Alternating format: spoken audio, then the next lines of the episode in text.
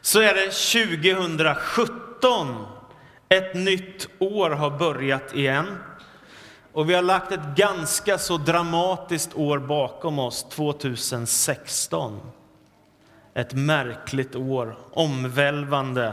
Och jag satt och tittade på årskrönikan ifrån Sveriges Television. Och det var många fina och bra saker, men en sak var så smärtsam att se. Och det var ifrån Syrien, ett sönderbombat hus där en räddningstjänsteman lyckades dra ut ett barn ifrån ett hus och så kom han bärande på den här lilla flickan och så lämnade han över den till pappan. Lite blodig stackars flicka och så pappan grät där. Hon överlevde verkar det som, men så där dramatiskt har det här året varit en av många bilder från det här 2016. Så tänkte jag i den stunden när jag såg det att det är precis detta som livet handlar om. Att bry sig om andra, att finnas till, att hjälpa, att älska, att våga. Det är själva kärnan i kristen tro. Att göra någonting för andra människor i kärlek. Och när jag satte mig för att förbereda min predikan efter ett så här dramatiskt år som 2016 har varit, då kom jag att tänka på Norges statsminister tidigare, Jens Stoltenberg, som skulle hålla ett tal efter tragedin på Utöja för ett antal år sedan, 2011. Och då citerade han en flicka som hade blivit intervjuad av tv-kanalen CNN efter det fruktansvärda brottet som hade begåtts. Och då så hade hon sagt så här. Om en man kan visa så mycket hat, tänk vad mycket kärlek vi alla kan visa. Och jag tyckte det var så fruktansvärt bra. Jag har burit med mig det där citatet. Om en människa kan visa så mycket hat, tänk då vad mycket kärlek vi andra kan visa som inte har någon lust att visa hat. Och jag tänker att så kan man besegra ondskan med kärlek.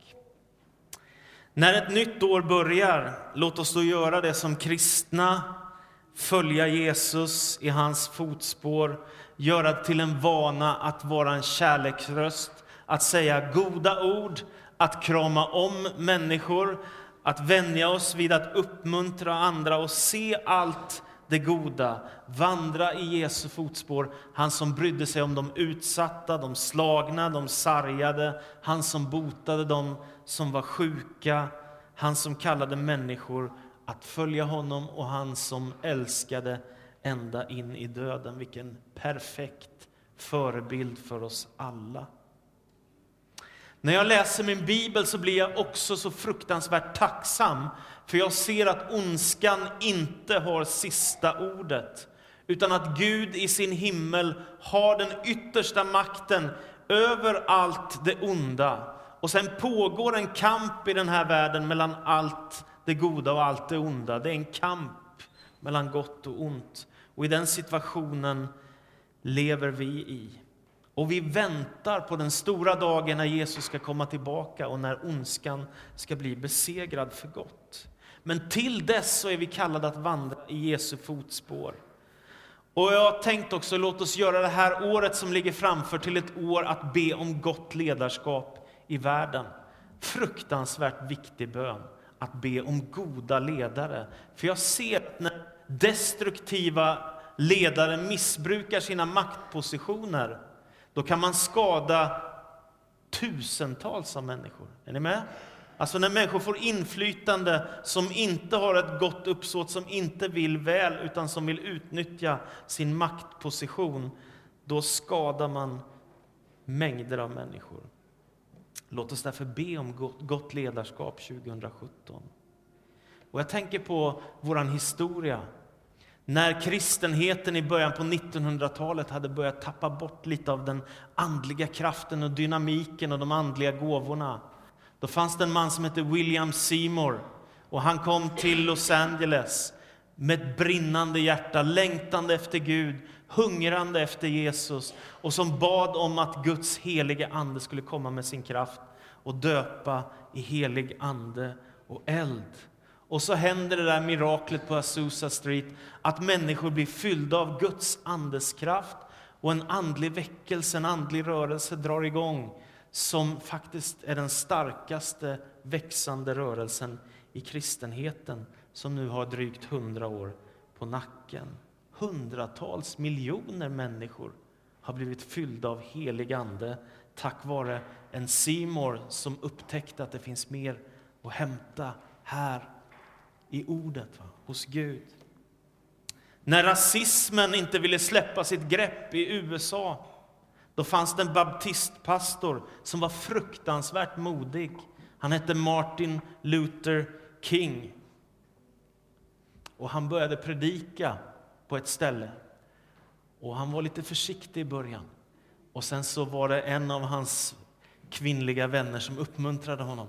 Martin, dela drömmen, dela drömmen. Och då börjar han. I have a dream. Och sen börjar han tala om det han tror på, det han vill se. För det blev han dödad, de sköt ihjäl honom. Men det gick inte att stoppa det som han hade sagt i världen. Utan det gjorde så starka avtryck att vi lyssnar på det fortfarande på internet 50 år senare snart, eller vad det är. Så det är märkligt vilka avtryck. När de allra fattigaste i Indien blev bortglömda och utsatta och sedda som värdelösa för att de var kastlösa och sedda som att de förtjänade i den hinduiska tron sitt liv liksom för att de skulle ha gjort dåliga gärningar tidigare och därför straffats. Då fanns det en kristen kvinna som hette Agnes som reste till Indien för att hjälpa de allra fattigaste av de fattiga, de allra sjukaste av de sjuka. Och hon blev sen kallad Moder Teresa. Hon har gjort lite avtryck i världen. Jag tror nästan alla vet vem hon är och vad hon gjorde för att hjälpa människor. Gott ledarskap gör all skillnad i världen. Ändå är det inte så att alla de här stora giganterna som har funnits i världshistorien är det allra viktigaste. För de är så få som gör så starka avtryck.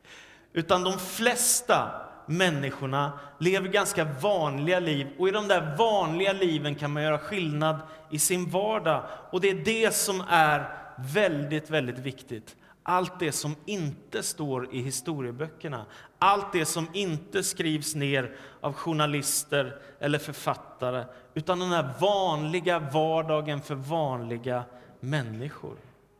Jag tänker så här, att när du som lärare undervisar ett barn på skolan och lär ett barn att läsa, så sker Guds vilja i världen. Är ni med? Så tänker jag.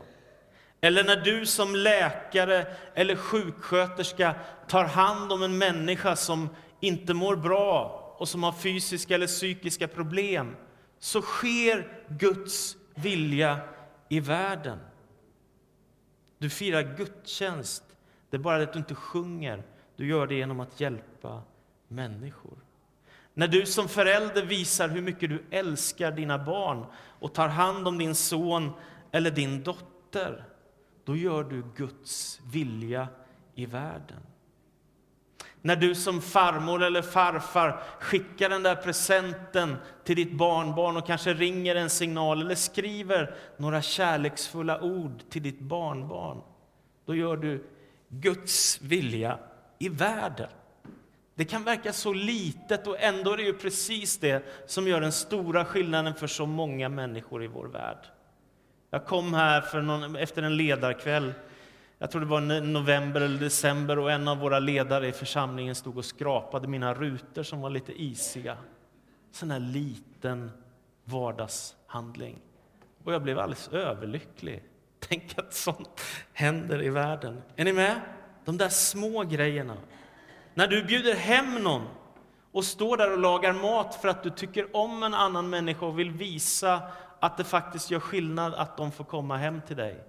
Då sker Guds vilja i världen och han välsignar dig. När du knäpper dina händer för att be för någon som kämpar för sitt liv och du vill stå trogen i en bönetjänst, då sker Guds vilja i världen att det som han har tänkt skall få ske och du blir välsignad. Jag tänker att du behöver inte fly in i någonting annat för att få ett meningsfullt liv. Du behöver inte fly från vardagen för att få alla de här häftiga, exotiska sakerna i livet. Lyssna vad jag säger. Det stora finns ofta i det lilla, i de små handlingarna i den vanliga vardagen. Sen behöver vi Martin Luther Kings och William Seymour och allt vad de heter. Vi behöver sådana gestalter som kan ta ledarskap och som vågar stå upp för sanningar som både kan kosta på och vara farliga för en som vill det goda. Naturligtvis är det så. Men det är den lilla vardagen och de stora förändringarna för den stora mänskligheten sker. Så låt oss söka efter det vardagen. Nu vill jag läsa från Första Korinthierbrevets tredje kapitel. Paulus skriver till församlingen så här ifrån vers 11. Första Korinthierbrevet 3 och 11. Ingen kan lägga en annan grund än den som redan finns och den är Jesus Kristus. På den grunden kan man bygga med guld, silver och ädelstenar, trä, gräs eller halm och det ska visa sig hur var och en har byggt. Den dagen ska avslöja det, hur den kommer med eld och elden ska pröva vad vars och ens arbete är värt. Den vars byggnad består ska få lön, den vars verk brinner ner ska bli utan. Själv ska han dock räddas, men som ur eld. Förstår ni inte att ni är Guds tempel och att Guds ande bor i er? Om någon förstör Guds tempel ska Gud förgöra honom. Ty Guds tempel är heligt och ni är det templet. Bedra inte er själva, den av er som tycker sig vara vis i världslig mening måste först bli en dåre för att bli vis.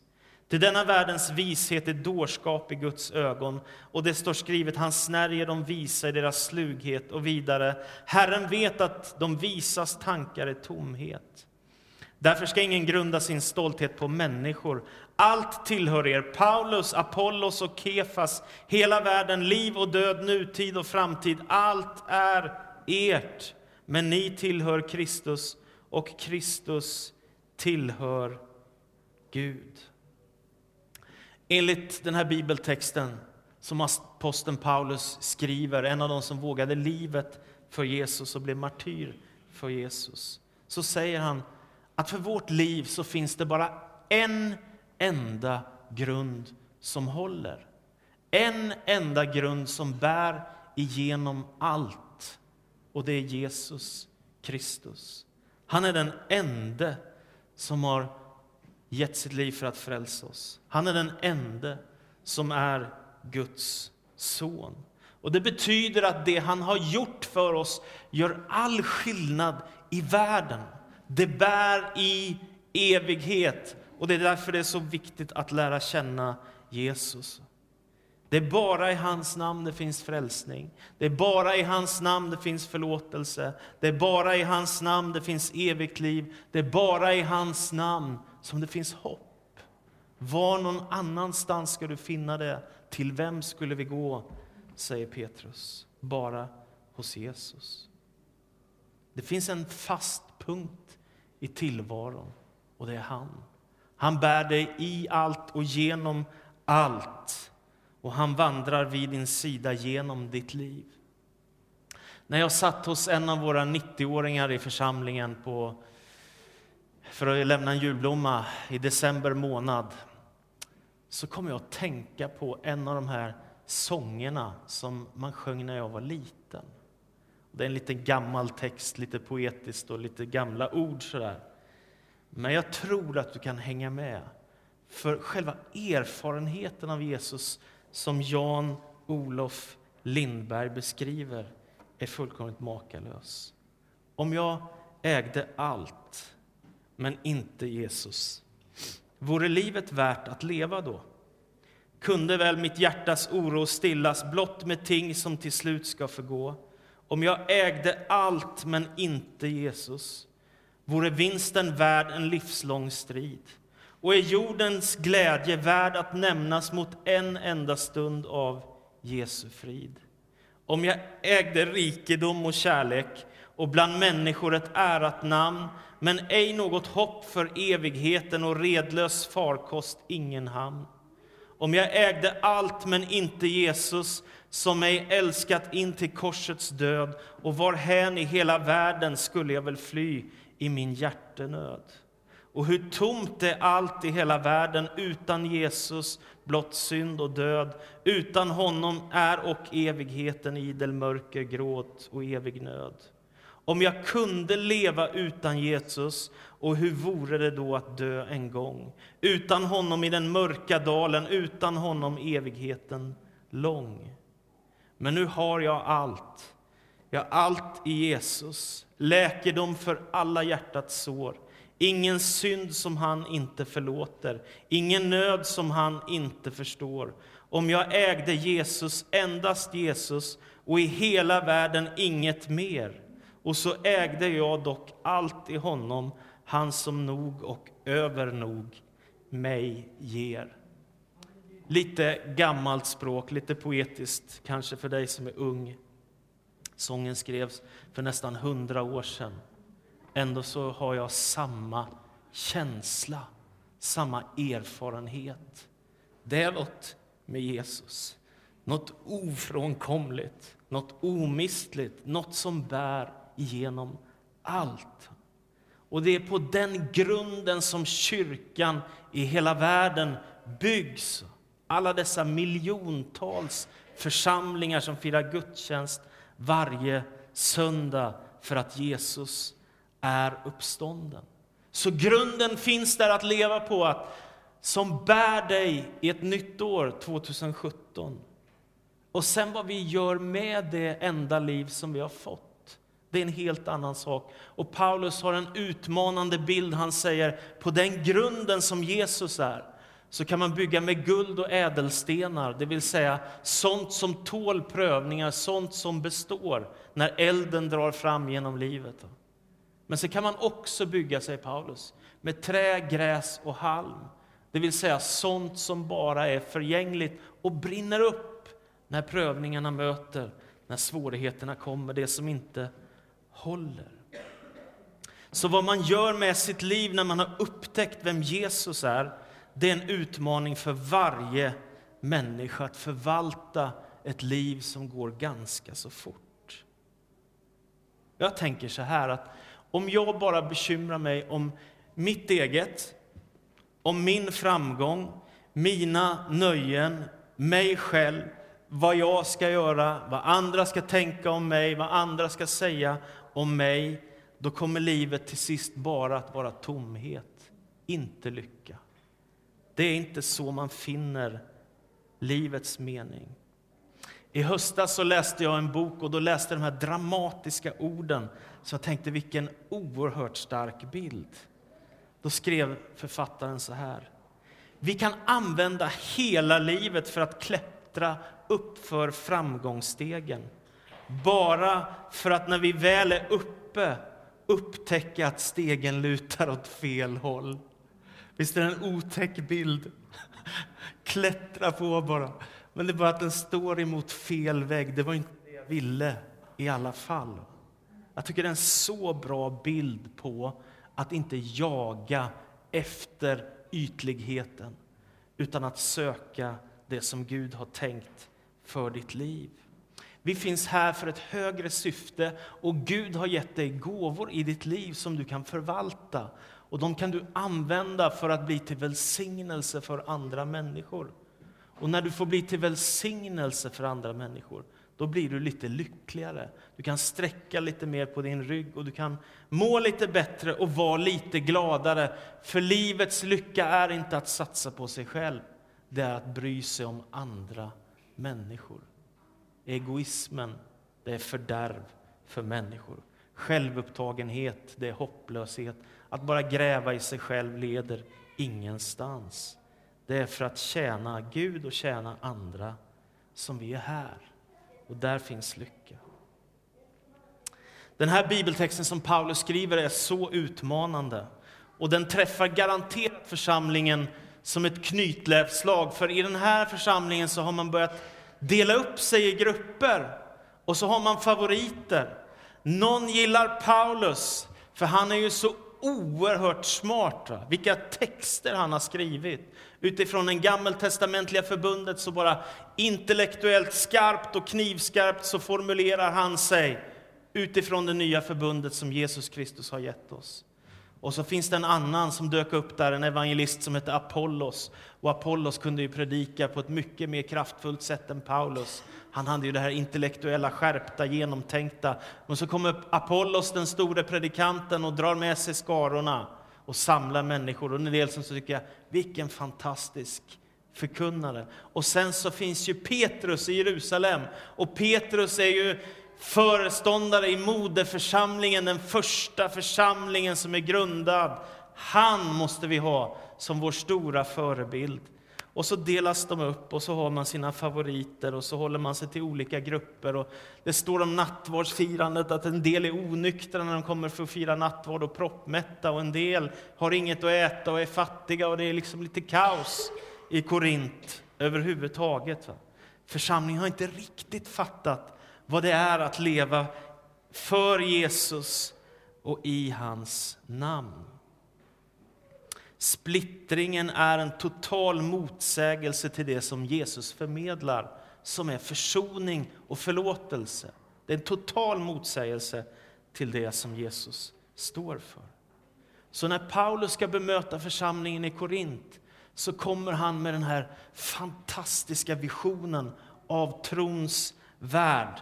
Och så säger han, han utbrister, allt tillhör er. Paulus, Apollos, Kefas, hela världen, liv och död, nutid och framtid. Allt är ert, men ni tillhör Kristus och Kristus tillhör Gud.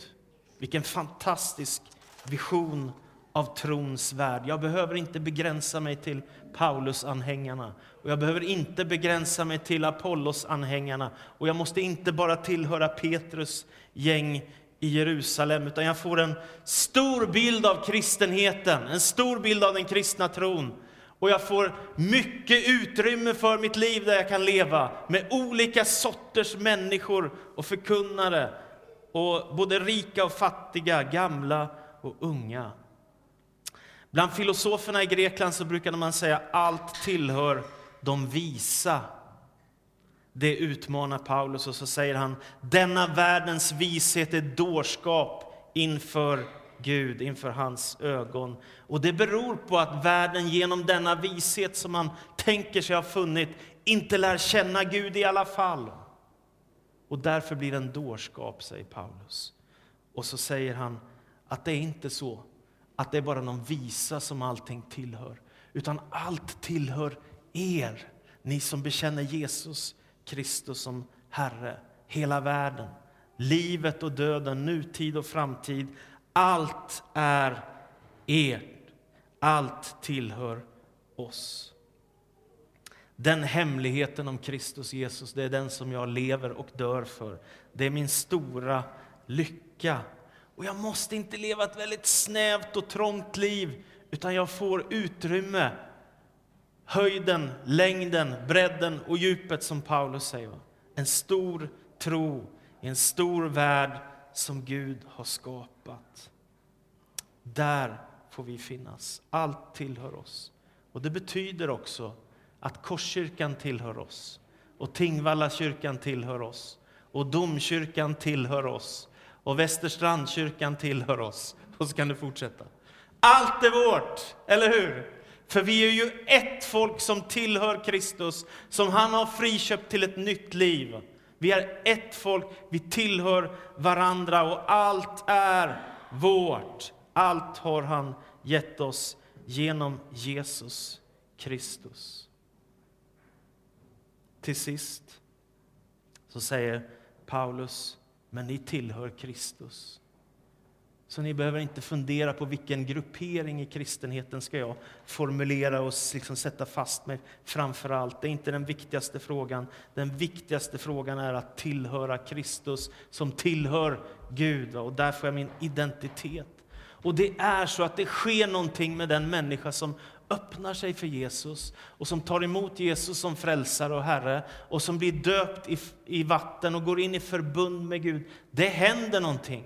Det finns jättemånga ord för det i Nya testamentet. Att bli en ny skapelse, att bli frälst, att bli kristen, att bli född på nytt, att få ett evigt liv, att Guds ande tar sin boning i oss, att ta emot Jesus. Det finns så många ord för detta och allt handlar om samma sak. Att du får kontakt med ursprunget till hela universum. Att du får leva med honom som har skapat dig för gemenskap med sig själv. Och Paulus säger till de kristna, förstår ni inte att ni är ett tempel för Guds ande? Har ni inte förstått det? Jag tycker det är en så fantastisk bild. Templet i Jerusalem, en oerhört stor och mäktig plats. Överför nu Paulus till de som bekänner Jesus som Herre. Det är ni som är templet för Guds ande. Han bor i era hjärtan. Han har tagit sin boning i dig. Och det betyder att de där krafterna du kanske har upplevt i ditt liv av den helige Ande, det är en försmak av himlen, av evigheten, av det som väntar hemma hos Jesus. Så den som tar emot Jesus tillhör inte längre sig själv. Han har fått ett högre syfte för sitt liv, är en medarbetare till Gud i världen. Och med de kärleksgärningar vi kan göra så kan vi förändra vår omgivning. Vi tillhör Kristus och tillhör Gud och allt är vårt. Så är det. Nu börjar ett nytt år. Det ger oss många nya möjligheter. Och vad ska du göra med det året och vad ska jag göra? Blir det guld och ädelstenar eller blir det trä, gräs och halm på den grund som Jesus har gett? Amen. Jesus Kristus, förbarma dig över oss för det nya året. Jag ber att du ska låta oss få vishet och skärpa att kunna göra det som du har kallat oss till. Det som ligger framför oss, det som du har tänkt för den här staden, Herre. Och jag förstår att det finns så många människor som behöver lära känna dig i den här staden, Herre. Alla dessa människor som inte har upptäckt hur stor du är, hur mäktig du är, hur kärleksfull du är. Och jag ber att vi det här året skulle få vara till välsignelse och frälsning i ditt namn för många sådana människor, Herre, som behöver din kärlek. Och jag ber också att vi ska kunna förändra vår omgivning genom de kärleksgärningar vi kan göra, Herre. Låt oss möta hatet med kärlek. Och tack för att du ger oss ett nytt år. I Jesu namn. Amen.